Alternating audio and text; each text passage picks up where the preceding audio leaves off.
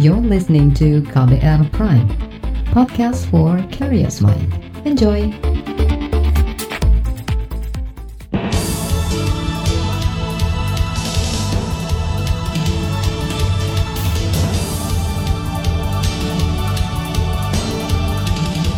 Selamat pagi saudara, kembali kami menyapa Anda pagi hari ini dengan sejumlah informasi pilihan di Buletin Pagi. Saya Eka Juli. Dan saya Ardi Rosyadi, kami telah menyiapkan sejumlah informasi terkini di antaranya Pemerintah keluarkan aturan pembatasan kerumunan orang di tempat umum. Bank Indonesia optimistis rupiah segera menguat. Dinas Pendidikan Jawa Tengah mendapat pengaduan kecurangan penerimaan siswa baru. Inilah buletin pagi selengkapnya. Terbaru di Buletin Pagi. Saudara pemerintah mengeluarkan peraturan Menteri Kesehatan terkait peraturan pembatasan kerumunan masyarakat di tempat umum, seperti pusat perbelanjaan, layanan transportasi, dan juga fasilitas umum lainnya. Juru bicara gugus tugas penanganan COVID-19, Raisa Broto Asmoro, mengatakan, aturan itu dikeluarkan menyikapi fenomena orang berkumpul dalam satu tempat, seperti di area bebas kendaraan bermotor atau Car Free Day, pusat perbelanjaan, transportasi publik, dan lain-lain selama pelonggaran pembatasan sosial berskala besar atau PSBB. Panduan ini tertuang dalam keputusan Menteri Kesehatan nomor 382 tahun 2020 tentang protokol kesehatan bagi masyarakat di tempat dan fasilitas umum yang dikeluarkan pada tanggal 19 Juni 2020. Juru bicara gugus tugas penanganan COVID-19 Raisa Broto Asmoro juga menambahkan, dengan peraturan ini, pengelola pusat perbelanjaan harus memastikan pembatasan jumlah pengunjung, pemeriksaan suhu tubuh pengunjung maupun pengelola, hingga penyediaan bilik disinfektan serta penggunaan masker. Aturan itu juga berlaku bagi pengelola layanan transportasi, juga pengelola terminal, halte, bandara, stasiun kereta, dan juga pelabuhan untuk mengoptimalkan ruang terbuka guna mencegah kerumunan. Namun, gugus tugas penanganan COVID juga tidak menjelaskan sanksi yang diberikan jika ada pengelola ataupun pengunjung yang melonggar yang melanggar aturan berkumpul itu.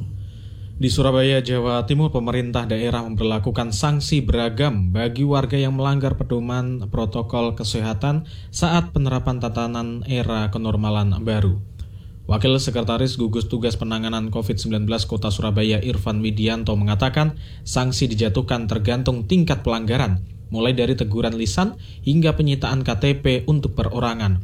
Sedangkan bagi badan usaha, sanksi berupa teguran lisan hingga pencabutan izin usaha mengikat ya mengikat baik untuk perorangan individu maupun juga pelaku usaha badan usaha dan lain sebagainya. Jadi kalau individu itu bisa melalui teguran lisan kemudian teguran tertulis sampai dengan penyitaan KTP dan kalau untuk badan usaha maka bisa juga mengalami tahapan memulai dari teguran lisan tertulis sampai juga penghentian kegiatan dan sampai dengan pencabutan izin dan penutupan tempat usaha Wakil Sekretaris Gugus Tugas Penanganan COVID-19 Kota Surabaya Irfan Widianto menambahkan sanksi itu diatur melalui peraturan Wali Kota Surabaya.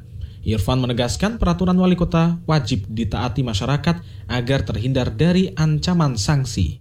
Organisasi Kesehatan Dunia atau WHO menyarankan agar pelonggaran aktivitas di masa pandemi COVID-19 dilakukan secara bertahap.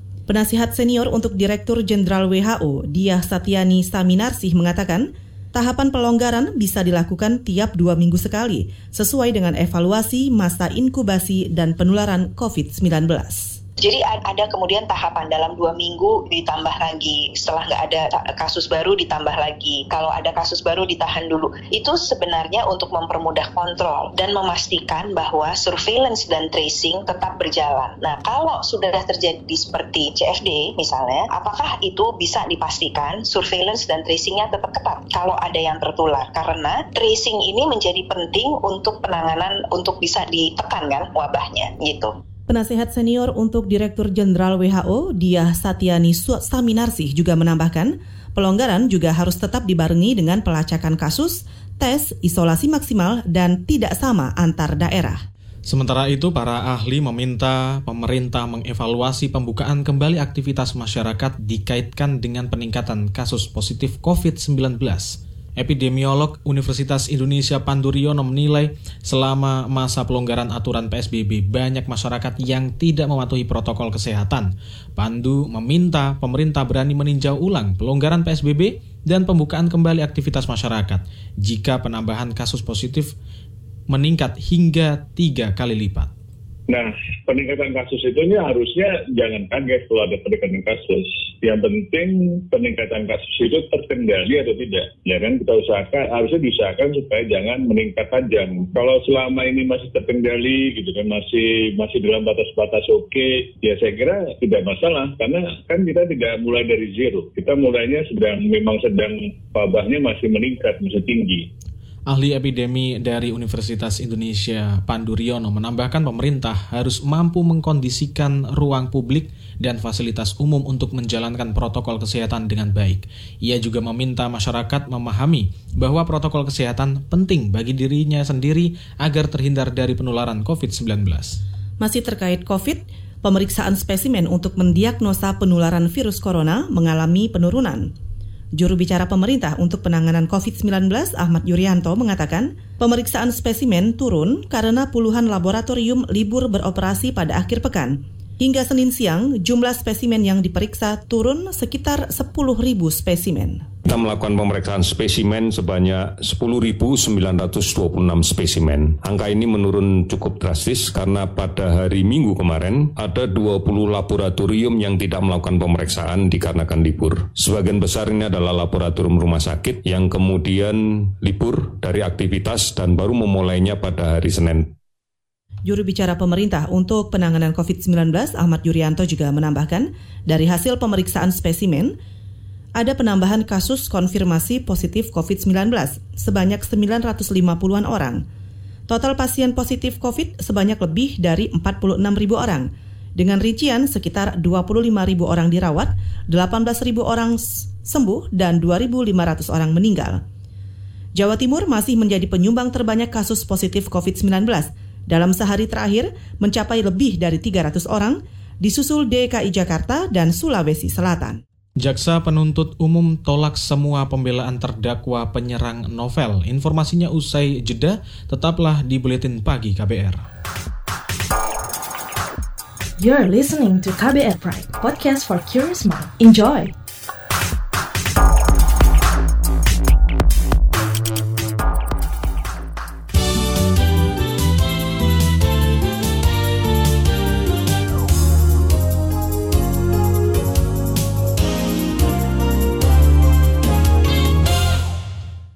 Menuju informasi ekonomi, pemerintah dan DPR RI menyepakati asumsi dasar dan makroekonomi.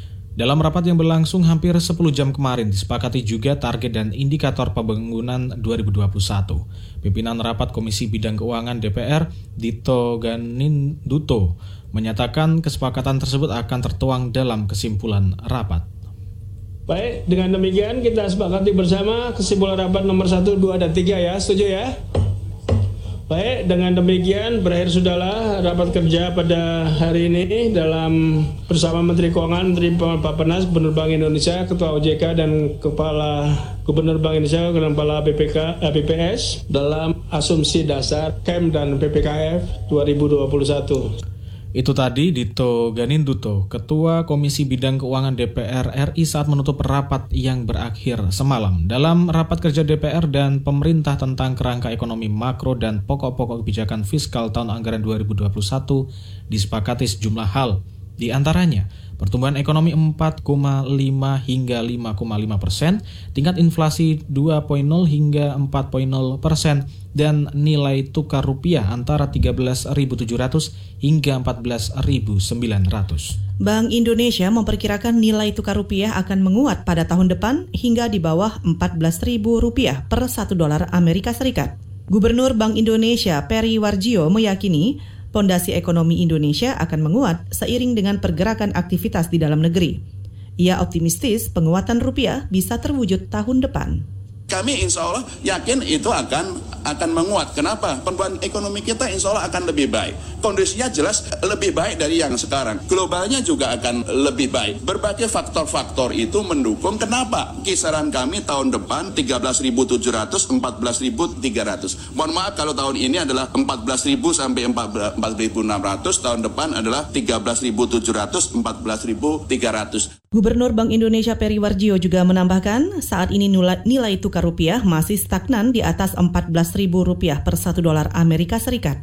Menurut Peri, kondisi rupiah ini disebabkan karena masih berjalannya proses adaptasi menuju tahap kenormalan baru. Ia juga memperkirakan rupiah akan kembali stabil dan terdongkrak menguat hingga penghujung tahun ini. Sementara itu sepanjang dua bulan lebih dari akhir Maret hingga awal Juni daya beli masyarakat hilang sekitar 386 triliun rupiah akibat wabah COVID-19. Menteri Perencanaan Pembangunan Nasional Suharso Monarfa mengatakan lenyapnya daya beli masyarakat itu disebabkan hilangnya jam kerja selama 10 minggu pada sektor-sektor yang menjadi penggerak perekonomian mulai dari industri manufaktur, pariwisata, hingga investasi. Ini yang menjelaskan mengapa kemudian kalau kita hitung kepada yang uh, induced impact dan indirect impact maka secara total kira-kira ada sekitar 386 triliun yang hilang dalam dari daya beli di masyarakat. Nah, jadi uh, UMKM tidak mendapatkan apa namanya pembeli dan dan seterusnya. Menteri Perencanaan Pembangunan Nasional Suharso Monoarfa menambahkan pandemi COVID-19 juga berdampak pada usaha mikro kecil menengah. Selain itu, wabah COVID-19 juga menyebabkan banyak pekerja dirumahkan. Pemerintah mengklaim telah menyiapkan anggaran 203 triliun rupiah untuk program jaring pengaman sosial. Pemerintah berencana membangun laboratorium khusus pembuatan alat tes PCR. Menteri Koordinator Pembangunan Manusia dan Kebudayaan Muhajir Effendi mengatakan, Laboratorium produksi tes PCR akan memanfaatkan bangunan bekas laboratorium pembuatan vaksin flu burung di Bandung, Jawa Barat. Kemarin saya berkunjung ke Bio Farma, itu di sana Bio Farma sudah bisa memproduk 50 ribu per minggu. Kalau itu bisa dilipat gandakan produksinya sampai bisa 2 juta sebulan, itu bisa memenuhi kebutuhan dalam negeri. Dan beliau sangat mendukung dan salah satu sarana yang akan kita gunakan itu adalah gedung yang dulu akan digunakan untuk laboratorium produksi vaksin per burung. Itu nanti akan kita rubah menjadi bangunan untuk memproduksi PCR. Menko Pembangunan Manusia dan Kebudayaan Muhajir Effendi menambahkan, pembangunan laboratorium produksi tes PCR diharapkan membuat Indonesia tidak lagi bergantung dengan PCR produksi luar negeri. Kementerian Pekerjaan Umum dan Perumahan Rakyat akan dilibatkan dalam pembangunan laboratorium ini. Kejaksaan menolak semua pledoi atau nota pembelaan dari dua terdakwa penyerang Novel Baswedan. Dua terdakwa itu adalah anggota polisi bernama Rahmat Kadir dan Roni Bugis. Jaksa penuntut umum Satria Irawan menyatakan semua pembelaan terdakwa tidak beralasan, tidak sesuai dengan fakta persidangan, dan tidak dapat dibuktikan. Berdasarkan seluruh uraian di atas, kami selaku jaksa penuntut umum tetap berpegang teguh pada surat tuntutan seperti yang telah dibacakan pada hari Kamis 11 Juni 2020, di mana penuntut umum dalam menyusun surat tuntutannya telah mempertimbangkan berbagai aspek, dari aspek yuridis, sosiologis, serta keadilan yang berkembang dalam masyarakat. Untuk itu, penuntut umum memohon kepada majelis hakim untuk menolak semua nota pembelaan pledoi dari terdakwa. Jaksa penuntut umum Satria Irawan tetap menuntut dua terdakwa dengan pidana penjara satu tahun. Kedua terdakwa dinyatakan bersalah melakukan penganiayaan sehingga menyebabkan penyidik senior KPK tersebut mengalami luka berat. Dalam sidang sebelumnya, kuasa hukum terdakwa menyebut aksi penyerangan terhadap penyidik Komisi Pemberantasan Korupsi KPK Novel Baswedan dilakukan oleh pelaku tunggal yakni Rahmat Kadir. Kuasa hukum juga mengklaim serangan dilakukan tanpa rencana. Selain itu, kuasa hukum juga mengatakan terdakwa tidak ber bermaksud menganiaya, melainkan hanya memberi pelajaran.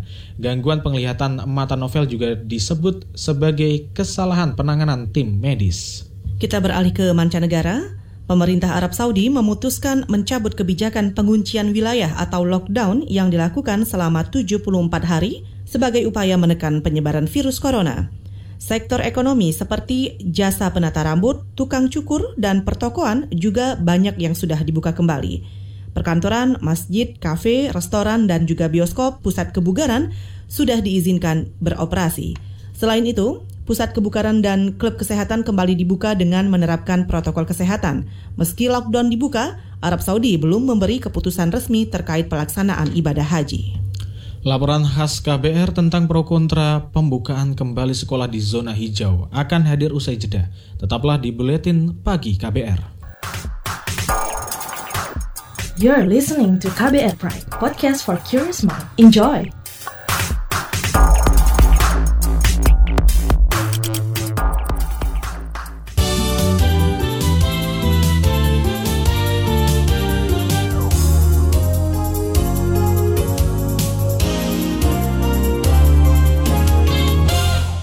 Anda masih mendengarkan buletin pagi KBR. Saudara, keputusan pemerintah untuk membuka kembali di zona membuka kembali sekolah di zona hijau memunculkan beragam reaksi dari orang tua murid. Faktor kesehatan dan kualitas pendidikan menjadi alasan di balik berbagai pro kontra yang mengemuka. Belakangan, kebijakan ini ditanggapi warga yang resah dengan menggagas sebuah petisi. Simak laporan yang disusun oleh tim KBR dibacakan Astri Yuwanasari.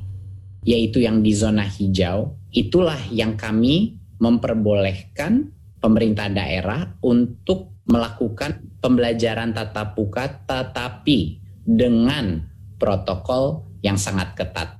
Itu tadi pernyataan Menteri Pendidikan dan Kebudayaan Nadim Anwar Makarim dalam konferensi pers daring pada 15 Juni lalu. Nadim memutuskan untuk membuka kembali sekolah-sekolah yang berada di zona hijau COVID-19. Namun ada sejumlah prasyarat yang tak bisa ditawar, yakni izin dari Pemda, kesiapan fasilitas dan protokol kesehatan di sekolah, dan persetujuan orang tua murid. Keputusan ini memicu beragam reaksi dari masyarakat. Maskur, warga Aceh Besar menyambut baik rencana pembukaan kembali sekolah, apalagi wilayah tempat tinggalnya berstatus zona hijau. Maskur ingin kegiatan di sekolah segera normal kembali sebab siswa SD seperti anaknya bakal lebih sulit jika harus belajar dari rumah. Apalagi jaringan internet di sana belum memadai. Kalau untuk anak-anak yang seumuran anak saya ini, saya rasa kalau sistem belajarnya untuk di rumah itu agak susah. Tetap harus langsung ada pembimbingnya. Kalau enggak, misalkan di rumah ya mereka berpikirnya kita belum sekolah, masih liburan. Ya udah, eh, suka-suka mereka aja. Berharap nanti pihak sekolah pun ada protokolernya lebih-lebih lagi nanti di eh, awal-awal dimulainya kegiatan belajar mengajar. Sedari sekarang Maskur mulai mengajarkan putranya bagaimana menjaga kebersihan. Khususnya kalau anak saya sendiri, ya, saya kasih edukasi juga ke anak. Eh, apa itu uh, penyakit corona itu apa, virus corona itu seperti apa, penularannya seperti apa, kemudian apa yang harus kita cegah supaya kita bisa terhindar dari eh, tertularnya virus tersebut. Kan. Berbeda halnya dengan Matehos Mesah, orang tua murid dari Kupang, Nusa Tenggara Timur. Matehos menolak sekolah dibuka kembali walaupun daerahnya masuk zona hijau. Ia khawatir anaknya bakal tertular virus saat pembelajaran tatap muka. Baginya lebih baik anaknya tinggal kelas ketimbang terjangkit corona. Kami berpikir lebih baik dia tidak naik kelas setahun misalnya, katakanlah, daripada resikonya lebih fatal. Karena memang kami sangat khawatir. Apalagi anak-anak, biasanya mereka lebih unaware ya soal kedisiplinan. Kedua anak Mateo sedang menunggu kenaikan kelas setelah tiga bulan belajar jarak jauh. Jika kondisi tak kunjung ideal, ia berencana mencari sekolah swasta dengan program homeschooling. Mateo sanksi dengan kesiapan pemerintah untuk memulai kembali pembelajaran tatap muka. Ia menegaskan anaknya bisa kembali ke sekolah jika masa wabah sudah terlewati saya sebagai orang tua ada dalam sikap yang paling ekstrim. Hanya ketika ada bukti bahwa memang wabah-wabah ini benar-benar berakhir, saya baru mengizinkan anak saya ke sekolah. Kami bersiap untuk menanggung resiko yang paling fatal, misalnya bukan fatal ya, resiko yang paling berat, misalnya anak saya kami tidak naik kelas. Jadi saya tidak mau bicara soal protokol dan macam-macam. Kekhawatiran Matehos juga dirasakan oleh Watik Ideo, Penulis buku anak-anak ini menilai pembukaan kembali sekolah di tengah tren peningkatan kasus bukan keputusan tepat. Ia juga ragu pelaksanaannya di lapangan bakal semulus yang diharapkan. Berpijak dari keresahan ini, Watik menggagas petisi tunda masuk sekolah selama pandemi COVID-19. Seperti yang saya usung, yang saya gagas itu harapannya untuk saat ini memang sekolah ditunda dulu untuk semua zona karena memang pandemi di negara kita secara global itu kan masih sangat tinggi ya. Nah saya membayangkan jika ada pembukaan di zona hijau uh, itu juga uh, resikonya juga sangat besar. Tapi kemarin Pak Nadiem memaparkan bahwa ada syarat-syarat yang harus dipenuhi. Nah saya berharap sekali kalau syarat-syarat itu memang nantinya pada proses pelaksanaannya akan seideal yang dipaparkan oleh Pak Nadiem. Wati kerap mendapat laporan tentang sekolah-sekolah di daerah yang mewajibkan pembelajaran tatap muka tanpa protokol ketat. Hal ini menunjukkan banyak pengelola sekolah yang salah menafsirkan kebijakan pemerintah. Ia mendorong orang tua murid aktif melapor ke gugus tugas penanganan COVID di daerah masing-masing jika mendapati sekolah melanggar aturan ya kenyataannya memang nggak seperti di negeri dongeng ya. Tadi pagi aja saya menerima curhatan gitu dari orang tua itu lokasinya di Jawa Barat. Padahal kan secara himbauan kan sudah ada dari gubernur ya bahwa memang harus ditunda dulu untuk pertemuan tatap muka. Tapi kenyataannya ada playgroup gitu ya yang mewajibkan anak didiknya untuk masuk sekolah dan itu hanya memakai face shield aja, nggak pakai masker, kemudian nggak jaga jarak seperti itu. Jadi memang kadang yang di lapangan ini controllingnya harus ketat sih. Demikian laporan yang disusun tim KBR, saya Astri Yuwanasari. Informasi dari daerah akan kami sajikan usai jeda. Tetaplah di Buletin Pagi KBR. You're listening to KBR Pride, podcast for curious mind. Enjoy!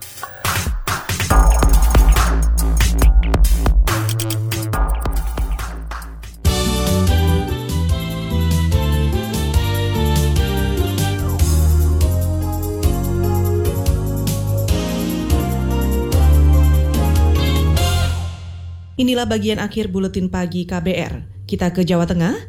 Dinas Pendidikan dan Kebudayaan Jawa Tengah menerima banyak laporan dan aduan terkait kecurangan pengisian data dalam aplikasi penerimaan peserta didik baru atau PPDB 2020. Kepala Dinas Pendidikan Jawa Tengah, Jumeri, mengatakan kecurangan antara lain pengisian nilai rapor, surat keterangan domisili, kartu keluarga, dan sertifikat kejuaraan yang digunakan untuk memenuhi persyaratan pendaftaran menindaklanjuti aduan tersebut. Kami telah meminta kepada semua kepala SMA, SMK Negeri Sejawa Tengah untuk melakukan validasi data yang dimasukkan oleh calon peserta didik pada aplikasi PPDB online. Validasi akan dilaksanakan dari tanggal 22 Juni sampai dengan 24 Juni tahun 2020. Kepala Dinas Pendidikan Jawa Tengah, Jumeri juga menambahkan calon siswa yang melakukan perbaikan data tidak akan dikenai sanksi.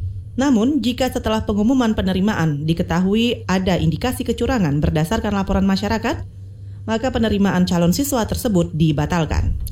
Kita menuju ke Aceh. Kepolisian daerah Provinsi Aceh menangkap empat tersangka pelaku perdagangan satwa dilindungi berupa kulit dan organ tubuh harimau Sumatera dan beruang madu.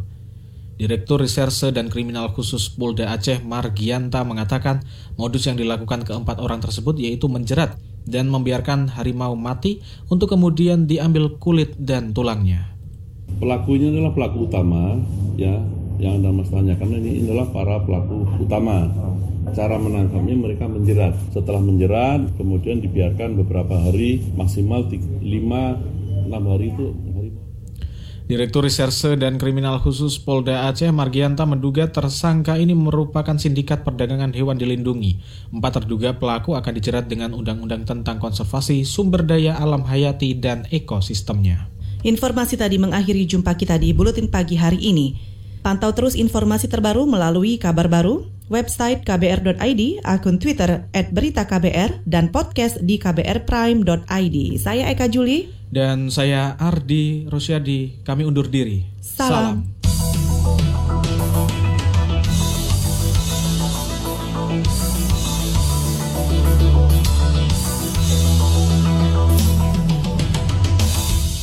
KBR Prime, cara asik mendengar berita. KBR Prime, podcast for curious mind.